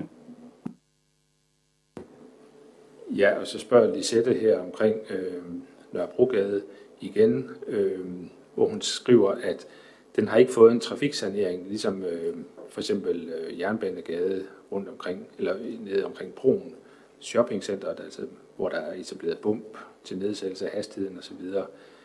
Hun nævner, at det er også sket i Havnegade. Øh, og jeg tænker, at øh, I egentlig har svaret på, at der godt kunne overvejes øh, hastighedsdæmpende foranstaltninger på Nørrebrogade også. Ja. Godt. Så er der et spørgsmål fra Line Britt Madsen, øh, som skriver, øh, under dialogmøderne, der har været forholdt før det her borgermøde, blev en fremtidig anlæggelse af venstresvingspil i krydset Strandby Kirkevej i Nørrebrogade tillagt stor betydning for afviklingen af morgentrafikken i krydset, som i dag sander til hver morgen. Det giver jo rigtig god mening. Hvilken betydning forventer man i den sammenhæng af etableringen af skolepatruljer og fodgængerfelt ud for skolens indgang et par hundrede meter længere oppe ad Nørrebrogade vil få for trafikafviklingen? Hun tilføjer, at man kan jo forestille sig, at det vil udfordre fremkommeligheden betydeligt, når skoleelever skal krydse her i spidsbelastningen. Øh, Søren? Ja, øh, det er jo sådan overalt i Esbjerg. I øh, spidstimen om morgenen, så, øh, så er der kø. Øh, så kan der være kødannelser på, på nogle veje. Det nye signalanlæg, øh, der bliver etableret her i efterår, det var, som jeg sagde, det, øh, det kører Øh, efter alle kunstens regler, kan man sige, og ind, indretter sig efter trafikkens øh, retninger og, øh, og mængde, kan man sige. Når vi kommer ned til skolen, så, er det, så bliver det jo et fodgængerfelt, der kommer ud for Boldetager skole.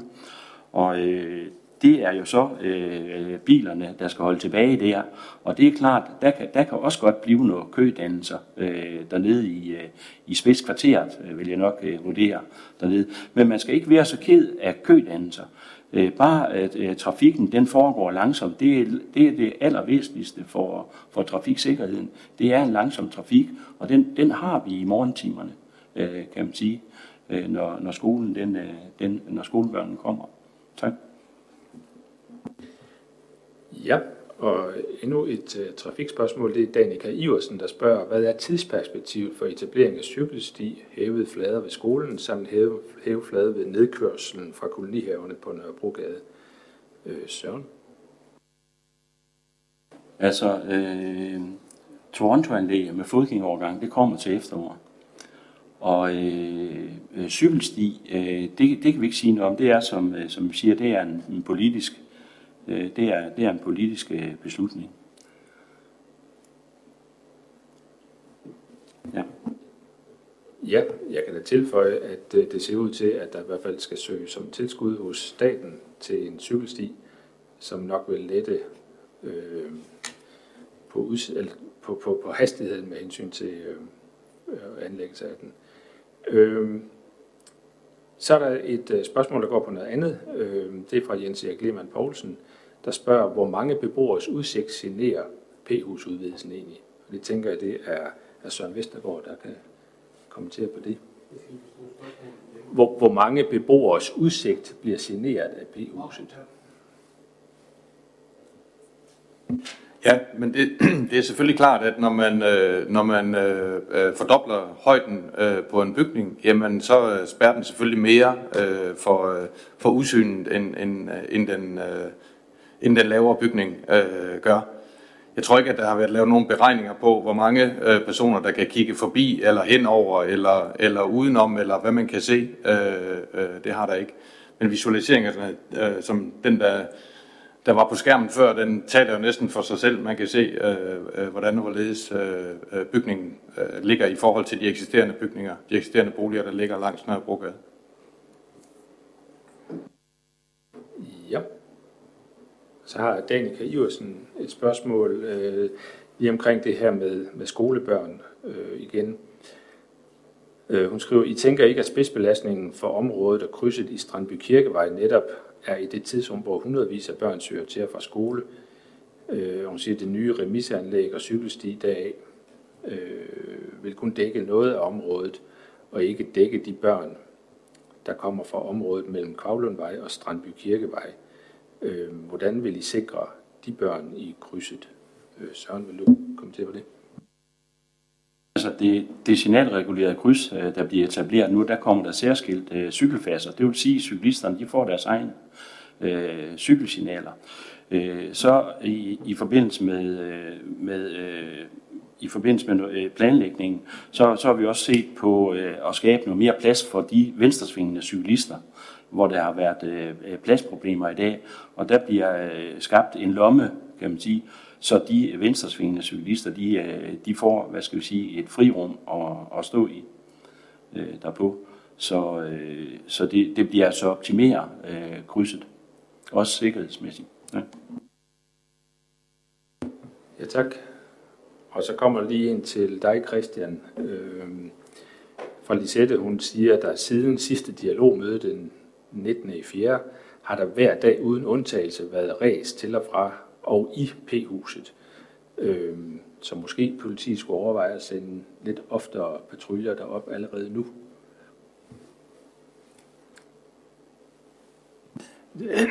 Det gør vi da gerne, men øh, jeg vil så opfordre velkommen til at ringe og fortælle os, hvad der sker derovre, fordi vi kan ikke være over i P-huset hele tiden, men øh, når vi får en anmeldelse det, så bliver det prioriteret, så fortæl os, hvad der sker derovre, så har vi mulighed for at reagere på det. Og vi vil selvfølgelig også have eget initiativ på baggrund af det her, og skærpe opmærksomheden. Tak for det, Christian. Øhm, og så har Jens Erik Lehmann lige et kort spørgsmål, øh, der hedder, hvad med ensrette Nørrebrogade? Jeg kan faktisk ikke huske, om I har kommenteret, der er flere, der har spurgt om det her med ensretning af Nørrebrogade. Øh, Søren?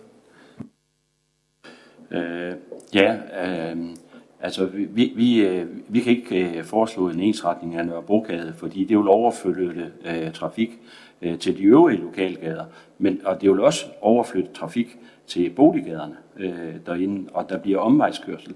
Så øh, det, det, det, det kan vi absolut ikke, øh, ikke, øh, ikke anbefale. Øh, vi, vi går den vej, og så øh, trafikdæmpe øh, Nørrebrogade. Ja, og lige øh, en, en, et spørgsmål mere til det her med trafikken på Nørrebrogade, hvor Line Britt Madsen spørger også til det her med, hvorfor man ikke kan øh, lede trafikken ud til øh, Storgade, øh, som, som hun øh, anfører her, Line. Det kunne øh, forbinde P-huset med motorvejen ved øst øh, af, afkørselen væsentligt bedre. Øh, vil lige give en, en øh, ekstra kommentar til det her med en syd ud af, af B-huset? Jamen altså, vi, øh, øh, vi, vi, vi har sådan set ikke, øh, det, det, det, det er jo ikke nok, det kan godt være planen at få mere trafik ind fra øh, Frodesgade, øh, Jernbanegade, øh, hvis vi har Storegade, men øh, stadigvæk, når vi tager Storgade, øh, den, den, er, den er lige så belastet som øh, Strandby Kirkevej. Storgade, det er også en skolevej. Der er øh, rigtig mange skolebørn, der krydser øh, Storgade op fra øh, kvarteret øh, nord for øh, øh Storgade. Så, så jo, øh, det, det, det, det, man kan godt få, få lidt mere trafik af, af Storgade, men, øh, men stadigvæk, der, der, er også, der, der, der er også skolebørn, der krydser der. Yes. Øh, så er der et spørgsmål fra Line Gommesen her, også omkring øh, trafikken i Nørrebrogade. Øh, hun spørger, hvordan kan man egentlig få plads til en cykelsti i Nørrebrogade, med mindre gaden ensrettet? Er det dig, Søren? Øh, altså, de, øh, de, i, i, øh, de, der er sådan, at øh, det smalleste sted i, øh, i Nørrebrogade, det er cirka øh, 12,5 meter. Og øh, der kan man altså godt få, få plads til øh, øh smalle øh, fortog og smalle øh, cykelstier og smalle kørebaner, kan man sige. Øh, det, er, øh, det, det kan godt lade sig gøre, og øh, vejen kan godt fungere. Øh, men øh, selvfølgelig, det er, øh, den, den er smal på en del af strækningen. På en anden del af strækningen, der er der bedre pladsforhold. Men, øh, men, men der er ikke meget at give af, men øh, vi vurderer trods alt, at det er en fordel for cyklisterne, at øh, de kommer øh, fra kørebanen og på en øh, cykelsti. Ja. ja. Og så spørger Danika Iversen, øh, hvornår bliver hastighedsnedsættelsen på Nørrebrogade effektueret? vil du lige skal belyse det igen, øh, Søren?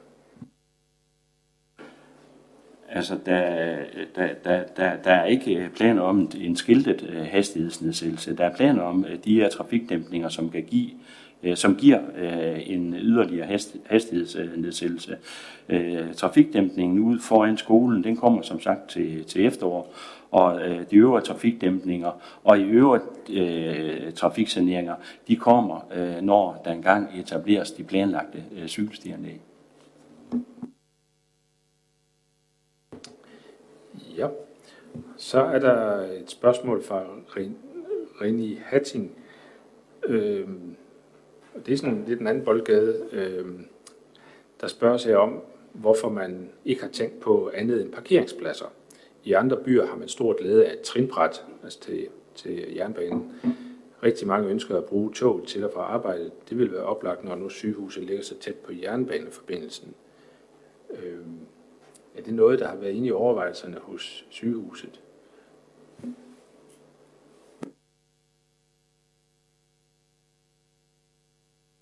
Jeg skal lige forstå spørgsmålet. At lave et trinbræt øh, ved, i Nørregade, jamen, men det ved jeg jo ikke. at det, øh, at det måske også kommunens folk, der skal vurdere det? Altså det er jo rent faktisk sådan, at stationen ligger jo faktisk meget, meget tæt på, øh, på sygehuset. Vi har faktisk mange medarbejdere, også patienter, som, øh, øh, som øh, øh, bruger toget. Og jeg tænker egentlig, at øh, det er i hvert fald for, for medarbejdernes øh, vedkommende, der er det øh, ikke nogen lang god afstand, der er fra, øh, fra, fra, fra jernbanen og så over til sygehuset. Der tænker jeg næsten ikke, det kan betale sig at lave et, et, et, et, et, et trinbræt. Der er så også busforbindelse, som går lige forbi, forbi sygehuset øh, øh, jævnligt. Ja, tak.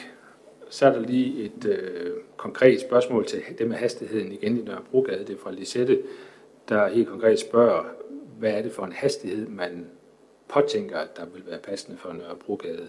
Og så kommenterer hun lige på, at den hævede flade, der er ude for Birkedals Allé, den virker ikke rigtigt, da den ikke er, den, den bremser ikke bilerne nok, kan man sige. Øh, vil du kommentere på det, Søren? Øh, ja, øh, i forbindelse med, øh, i forbindelse med øh, planlægningen af cykelstier, øh, der vil man naturligvis prøve at se på, om, øh, om man skal etablere en hastighedszone, kan man sige, på, øh, på øh, 40 km i timen. Det, det er det, man normalt gør. Det er det, vi øh, gør i vores øh, trafikplan øh, andre steder. Så øh, det, det, det, det, det, det kan ikke helt udelukkes, at, øh, at man etablerer en, øh, en hastighed på, på 40 km i timen. Godt, så er der et spørgsmål fra Line Britt Madsen her til Rambøl, øh, som spørger, hvilken betydning har det for konklusionen, når Rambøl i sine analyser lægger en ikke eksisterende cykelsti til grund for vurderingen af trafiksikkerheden for skolebørn. Vi har været lidt inde på det, men jeg tænker, øh, Stig, du lige kan kommentere det yderligere. Jamen det vil jeg ikke vurdere øh, har nogen betydning, fordi øh, vi siger jo netop, at, øh, at der er et behov for en cykelsti, det tror jeg ikke, at der er nogen her omkring bordet, som er uenige om. Øh, Øhm, så, så det har ikke nogen betydning for de konklusioner, vi har lavet. Øh, men cykelstiens øh, behov øh, er ikke begrundet i udvidelsen af P-huset, men øh, det, det påvirker ikke de konklusioner, som vi har lavet. Yes. Så er der et spørgsmål fra Rene Hatting, øh, der skriver, det undrer mig, at man bliver ved med at sende aben videre. Nu er det op til politikerne at blive afsat penge til den for længst planlagte cykelsti. Øh, og nuværende politikere sender den videre til staten og måske en bevilget pulje. Øh, da man planlagde at udbygge sygehuset midt i byen, burde man så ikke have haft en helikopter, et helikopterblik ud over området og inddraget den trafikale situation allerede dengang. Det er et noget overordnet spørgsmål. Jeg tænker, det måske egentlig er stadsarkitekten, vi er over i. Øh, hvor vi har ham, ham har vi der, Morten. Øh, ah, den er, jeg tror da lige, jeg skal have den igen. Ja, altså, det, det er egentlig et overordnet spørgsmål, der går på, om, om, om øh, der har været en overordnet planlægning, som er god nok med at placere et sygehus af den størrelse, det efterhånden er blevet til, ind midt i byen. Øh, er det fornuftigt eller ej, Morten? Ja, det kan man sikkert altid diskutere. Der er jo øh, for og imod, og i forhold til den udbygning af akutsygehuse, som man har set i Danmark, så er der også øh, valgt forskellige øh, tilgange til det. Man kan måske også pege på Kolding, som jo har et integreret by, integreret akutsygehus. Så der har man valgt en løsning, der svarer til, til Esbjergs. Andre steder har man valgt andre, andre modeller, så der tror ikke, der vil være noget entydigt svar på det. Men man kan da i hvert fald sige, at der i forhold til nogen form for patienttilgængelighed øh, og en øh, integration med byens øvrige funktioner, så giver det sådan set meget god mening at have et, øh, et akutsygehus, som jo er en kæmpe stor arbejdsplads, øh, tæt på øh, de øh, borgere og de øh, medarbejdere, som, øh, som kommer og har sat en daglig gang i området. Så er der et spørgsmål, et lidt mere detaljeret spørgsmål omkring trafikken igen øh, fra Lisette. Hun spørger, hvorfor leder I ikke trafikken fra Remissevejen over bag Game og ud via indkørslen til P-huset? Og hun siger, at på Remissevejen er der ekstremt meget trafik. Bilerne kører stærkt op og ned ad vejen, og udsigtsforholdene på broen er meget dårlige. Det giver farlige situationer. Øh, Søren, vil du? Øh, ja, øh, vi, øh, vi overvejer, eller øh, skralde, skraldebiler, øh, de, vil, øh, de vil komme den vej ind øh, nu. Øh, altså fra, vi er øh, vejen ind til parkeringshuset, altså så op bag om øh, øh, remissebygningen.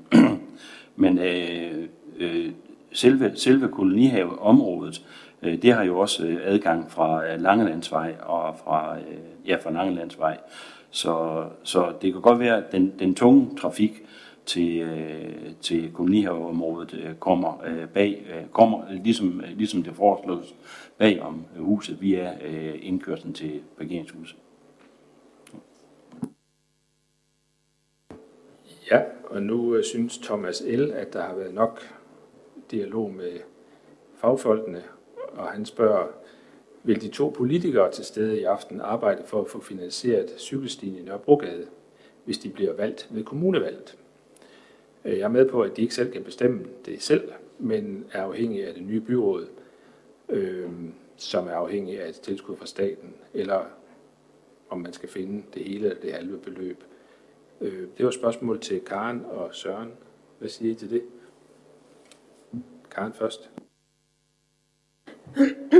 Jamen, der er jo ingen tvivl om, at øh, det her det er en enorm vigtig sag for, for vores område og for, og for sygehuset, at der er øh, at der er en udvidelse af parkeringshuset, og der er patienttilgængelighed, og der er ordentlige øh, parkeringsforhold for, for de ansatte på, på sygehuset. Øh, og når det så er sagt, så er det også utrolig vigtigt, at borgerne, som bor i, når, i og omkring Nørrebrogade, øh, føler sig trygge og føler, at de er trygge, når deres børn skal i skole. En cykelsti der er uden tvivl, i min optik, øh, den vigtigste prioritet lige nu, øh, fordi udvidelsen er så markant, som den er. Så der er ingen tvivl om, at øh, den her sag, den øh, skal der arbejdes benhårdt for, øh, og det har jeg bestemt tænkt mig øh, at gøre.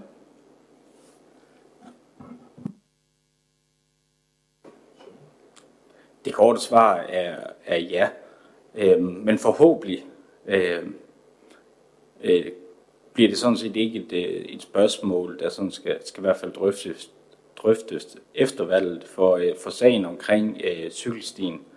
Øh, I hvert fald ansøgninger om midler, statsmidler til cykelstien, øh, bliver behandlet på byrådet den 7. juni. Ja. Øh, så, så hvis alt går vel, øh, så får vi forhåbentlig, øh, hvis vi krydser, eller vi krydser fingre for det, statsmidler til cykelstien. Øh, der er ingen tvivl om, at, at, øh, at det har lagt højt på prioriteringslisten, og det her med at få sikret skoleveje. Øh, den del, hvor, hvor der er en anelse øh, uoverensstemmelse med, med, med skoleveje og så pulje til, til cykelstier, øh, som jeg kan søge ved staten, øh, handler lidt om, at, at puljen der ligger meget vægt på, at det er den... Øh, at det er forbindelsen til den offentlige transport, der bliver vægtet. Så den pulje, bare så man forstår det, er ikke, er ikke en sikker skolevejspulje, men i og med, at Nørrebrogade også er et øh, godt forbindelsesled til den offentlige trafik, øh, passer den egentlig godt ind i, i ansøgningen af den del. Tak for det, Karen og Søren. Nu er det jo ikke et vælgermøde i aften, men et borgermøde om udvidelsen af P-huset. Vælgermøder får vi fornøjelsen af til efteråret, er jeg sikker på. Øh, godt. Øh, så har vi Lasse her, han spørger, øh, da man byggede det nuværende P-hus, var det, eller det nuværende hus, var det meningen, at det nærmest skulle være smukt grønt af planter, men det er ikke blevet så grønt, som man havde lagt op til. Øh, man kunne fortsætte. Hvordan vil vi sikre os, at øh, det nye udvidede P-hus bliver så grønt, som arkitekten øh, har illustreret det? Øh, Søren? Ja, men det, det er jo ikke nogen hemmelighed, at det er rigtigt. Øh, det er ikke så grønt, som man havde forestillet sig, som man havde ønsket sig. Øh, det er der stor fokus på, og det er man helt øh, klar opmærksom på, at det skal gøres bedre, det skal gøres mere teknisk korrekt. Og jeg ved også, at projektafdelingen på Sydvestjysk sygehus arbejder med en hel masse forskellige eksperter og rådgivere i, hvordan øh, får man øh, de her planter til at gro på den rigtige måde, og i det rigtige tempo, så, så bygningen bliver smuk og grøn, som det er planen. Så det er jeg sikker på, at der er taget rigtig god hånd om allerede, og det bliver der også i den videre proces. Tak for det, Søren. Så er der lige, altså der er lige et spørgsmål mere til det her med, hvordan vi får plads til cykelstien. Jens Erik Lehmann Poulsen, han har lige været ude med målbåndet og målt kørebanen på Nørrebrogade ud for nummer 64 til 7,57 meter. Jeg ved ikke, om det stemmer ens med, med dine øh, tegninger, Søren. Øh, der, der, der er øh, i det 12,5 meter udlæg, det vil sige altså skil, fra skil til skil, der er der 12,5 meter udlæg. Og øh, et, øh, et, et bud, det kunne være, at man øh, laver en meter 20-30 øh, cm fortog og en meter 70 øh, cykelsti, og så har man 6,5 meter øh, kørebane i begge sider. Det er et profil, øh, man, øh, man sagtens kan, kan, kan gennemføre. Det er ikke brede cykelstier. Det er det i øvrigt heller ikke på øh, Strandby Kirkevej, og der er fortovene heller ikke øh, brede, som I, som I sikkert ved. Så det kan godt lade sig gøre. Tak. Øh, så er der et spørgsmål fra Line Britt Madsen. Øh, hun siger, at det anføres flere gange i aften, at intet tyder på, at Nørrebrogade anvendes som gennemkørselsvej, eksempelvis for tung trafik. Øh, og det er hun ikke øh, ubetinget enig i. Øh, hun siger, øh, som forælder er det øh, dybt utilfredsstillende, at jeg ikke tør cykle ind og ud mellem parkerede biler på Nørrebrogade med min datter, øh, og hun skal kæmpe øh, om den trange plads med tunge kloakgrænser, stillagsbiler og varebiler fra forskellige firmaer osv. Øhm, og hun spørger så, øh, kunne det store antal tunge biler på Nørrebrogade må hænge sammen med, at tung trafik er forbudt på indfaldsvejene Storgade og Stormgade? Øh, Søren? Øh, det, det, det tror jeg næppe. Altså med den, øh, med den øh, andel af tung trafik på Nørrebrogade, så, så, så er det ikke en gennemfartsvej for, øh, for, øh, for lastbiler. Det, det er det ikke. Øh, jeg kan sige, at i forbindelse med, at man skal planlægge cykelstier, så vil vi naturligvis øh, lave øh, nogle gennemkørselsanalyser på, på, på lastbiltrafikken, men, men med, med, med, med en procent, der ligger helt ned omkring 3 procent, hvor man normalt på veje i byen har en 8-10 øh, procent øh, tunge køretøjer, så, så, så er det ikke en, øh, en gennemkørselstrafik. Men vi ønsker ikke øh, gennemkørende lastbiltrafik på Nørrebrogade. Det, så er det i hvert fald sagt. Godt. Øhm, så er der et par spørgsmål fra Thomas L. og Rene Hatting, øhm, som går på det her igen, at man ikke mener, fundamentet er i orden for, for at træffe beslutningen om at placere huset her. Øh, altså igen omkring de trafikale spørgsmål, og øh, et spørgsmål om, hvorfor har man ikke øh, tænkt på de trafikale for, forhold, før man begyndte at øh, planlægge en udvidelse af huset. Øh, det er, jeg ved ikke om, om øh, der kan svares lidt på det øh, fra Morten. Ja, øh, som, som vi nævnte lidt under øh, det indlæg, eller i hvert fald det indlæg, øh, jeg tror det kom fra flere sider, men i hvert fald også i, da vi snakker om lokalplanen, så er en del af det øh, basisgrund øh, materiale, som øh, lå til grund både til, i forbindelse med forundersøgelserne i virkeligheden, men øh, som var med til at træffe beslutninger om placeringen, men også i forbindelse med selve planprocessen, så har man lavet, lige præcis lavet de, øh, de nødvendige øh, hvad kan man sige, analyser for at belyse, øh, hvad, hvad vil der ske, øh, hvordan øh, trafikken bevæger sig og de ting. Så det mener jeg bestemt har været øh, inde i overvejelserne fra, øh, fra første færd, og har været en del af det, hvad kan man sige, det beslutningsgrundlag, som øh, gjorde, at øh, man pegede i den retning, som man gjorde placeringsmæssigt. Godt. Lisette har lige et spørgsmål mere til, til Nørrebrogade trafikken, øh, hvor hun spørger, øh, hvorfor kunne man ikke øh, forbyde tung trafik i gaden?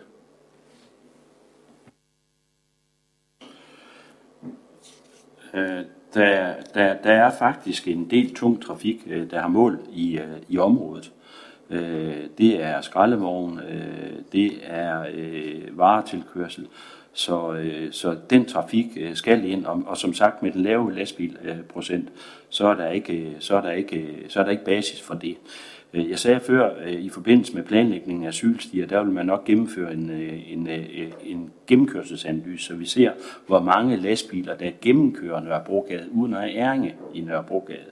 Og øh, hvis, øh, hvis det viser sig øh, mod, øh, mod forventning, at, at den er ret stor, så, så er det et spørgsmål, om man skal gå ind og øh, forbyde gennemkørsel øh, på Nørrebrogade. Det er et spørgsmål, vi skal, vi skal drøfte med politiet. Det kan vi ikke tage stilling til alene.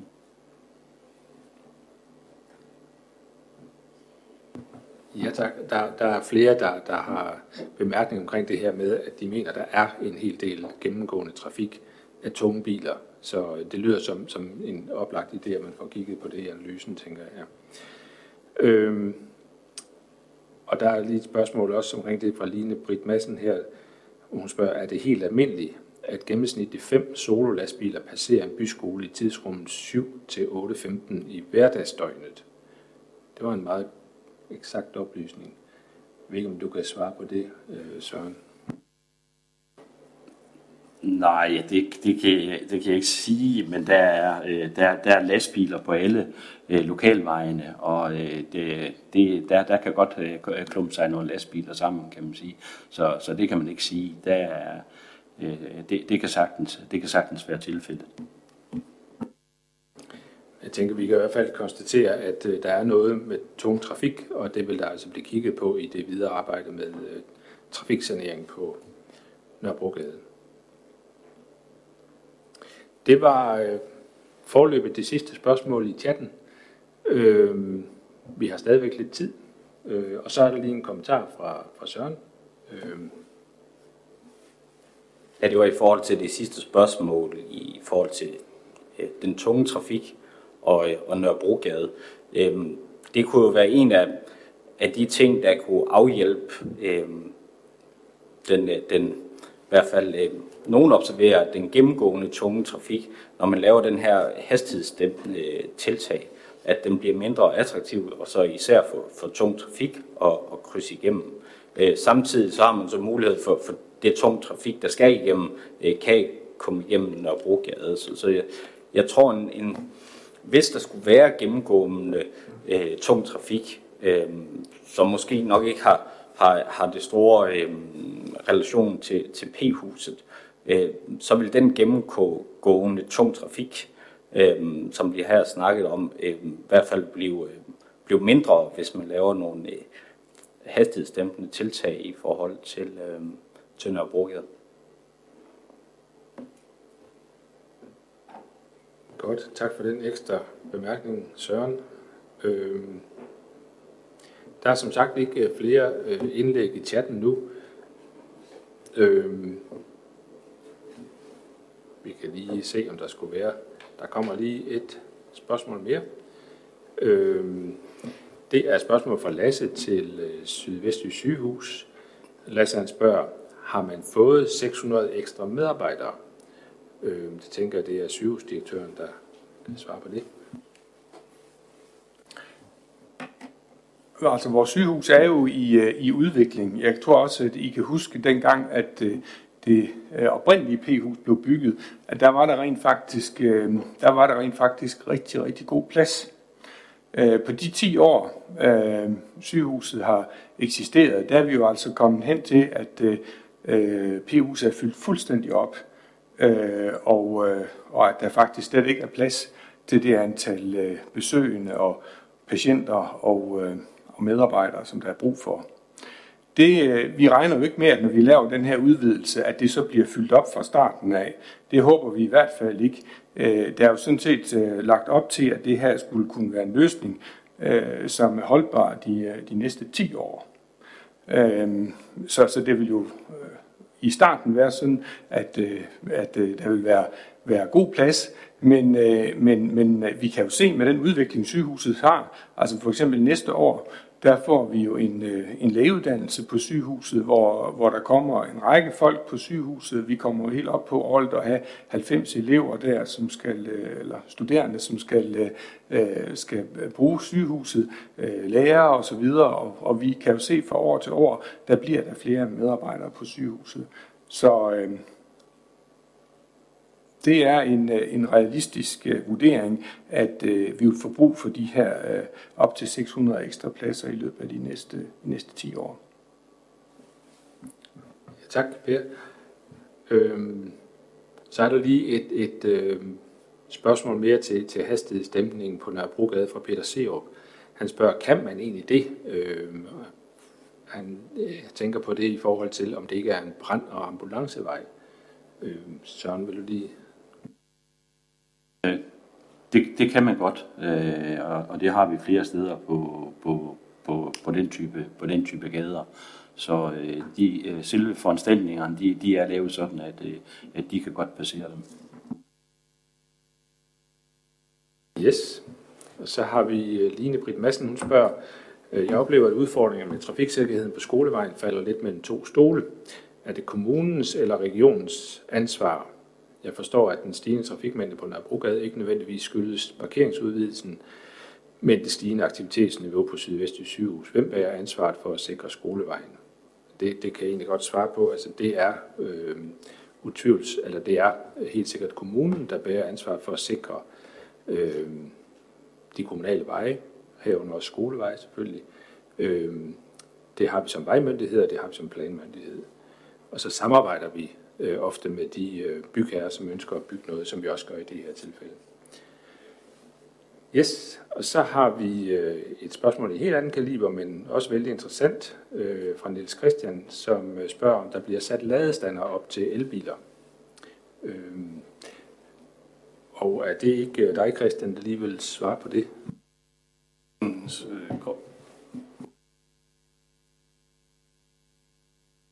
Ja, og øh, jeg kan ikke helt huske, øh, hvor mange det er, men, men, men det gør der, og der er jo i forvejen øh, ladestander i dag, og, øh, og det vil blive øh, udvidet i, i det nye anlæg her. Så øh, jeg kan huske jeg ikke lige 100% antallet, men, men det er taget i 50. 50? Okay. Så, så det var 50. Ja. Tak. Ja, jeg kan da lige tilføje også, som, som Karen lige siger, at der bliver også sat øh, ladestander op ude på øh, det offentlige vej, øh, tæt på sygehuset. De kommer op her i løbet af sommeren, øh, som et led i Esbjerg Kommunes øh, strategi for at gøre det nemmere at lade sin elbil op i, i Esbjerg. Øh, så kommer Christian Lyer lige på banen igen. Han siger, I sprang vist det der spørgsmål over. Øh, det dur jo ikke. Øh, det, han, det, det er øh, kommunens afgørelse over øh, omkring øh, miljøvurdering, hvor Christian spørger, vedrørende klagen over Esbjerg Kommunes afgørelse om ikke at foretage miljøvurdering. Esbjerg Kommune trak deres afgørelse af 10. december 2020 tilbage, og da det skete, oplyste Esbjerg Kommune i en mail af 10. februar 2021 følgende til klagerne. Citat. Esbjerg Kommune har på baggrund af klagen og de indkommende indsigelser valgt at genoptage sagen. Det betyder, at der skal laves en miljøvurdering. Citat slut. Hvordan kan man, spørger Christian så, hvordan kan man, trods denne oplysning til borgerne, efterfølgende forsvare at se stort på denne melding og alligevel ikke foretage en miljøvurdering? Jeg tænker, Astrid, du kan lige øh, supplere det, du tidligere har sagt omkring den. Jamen, det er, det er rigtigt nok, at, øh, at vi, øh, vi var lidt famlende i en periode der, hvor vi havde, øh, havde trukket afgørelsen tilbage, øh, og, og var inde og vurdere på, på de her ting, og da, vi trak den jo tilbage med, med henblik på at kigge på det igen, der blev vi så lidt klogere, da vi fik kigget ned i alle dokumenterne, og, og synes egentlig, vi havde, vi havde truffet den, den rigtige afgørelse, så det er den, vi har, vi har holdt fast i nu her og annonceret en gang til.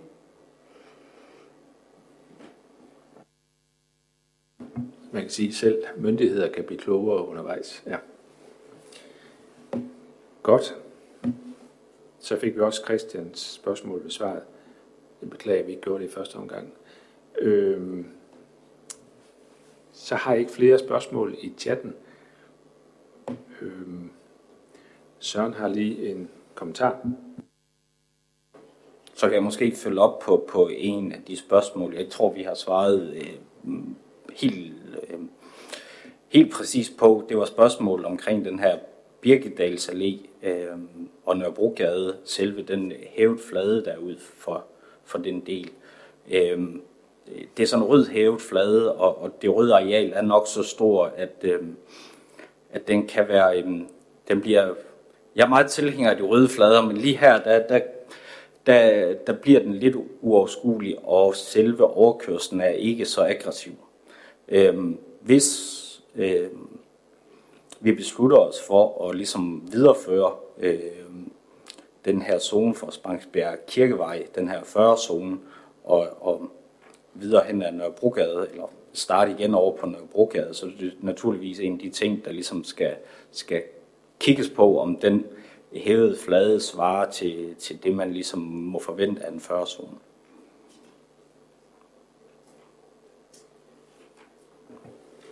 Ja, tak Søren. Øh, det ser ud til, at der spørgelisten, den er ligesom øh, tilfredsstillet. Øh, så tror jeg bare, at jeg på vegne af min rolle som ordstyrer vil sige tak for de mange gode spørgsmål. Håber, at svarene har været brugbare. Øh, og ellers så er det jo vigtigt at sige, at der også er mulighed for at, at kommunikere med os fremadrettet. Og så vil jeg give øh, ord til Karen, som vil sige tak for i aften. Jamen, jeg vil ligesom direktøren for Teknik og Miljø, Erik Jespersen, sige tusind tak for jeres mange spørgsmål. Vi håber, I har stillet de spørgsmål, som I, I har brug for. I har fået de, de svar, som, øh, som, øh, som I også har, har brug for. Øhm, og så, øh, som jeg startede med at sige, så er vi jo i en, øh, så er vi jo i gang med en fire års supplering høring, su, suppleret høring, øh, som løber ind til 9. juni øh, i år. Og øh, hvis I ønsker, at jeres spørgsmål her i chatten, de skal indgå i en politisk, øh, en politisk øh, behandling, eller I har andre bemærkninger eller indsigelser, så er det vigtigt, at I sender dem til plansnabelag.esbjerg.dk. I kan også godt sende det per brev, øh, så skal I gøre det øh, til Rådhuset her, øh, Esbjerg Rådhus, øh, og adressen den står øh, på jeres skærm. Øhm. Og ellers så vil jeg sige, øh, jeg ved ikke om jeg fik sagt tak til hele panelet, som sidder her, for jeres øh, mange besvarelser. Øhm, og ellers så vil jeg bare ønske jer alle sammen en rigtig god aften. Tak for nu.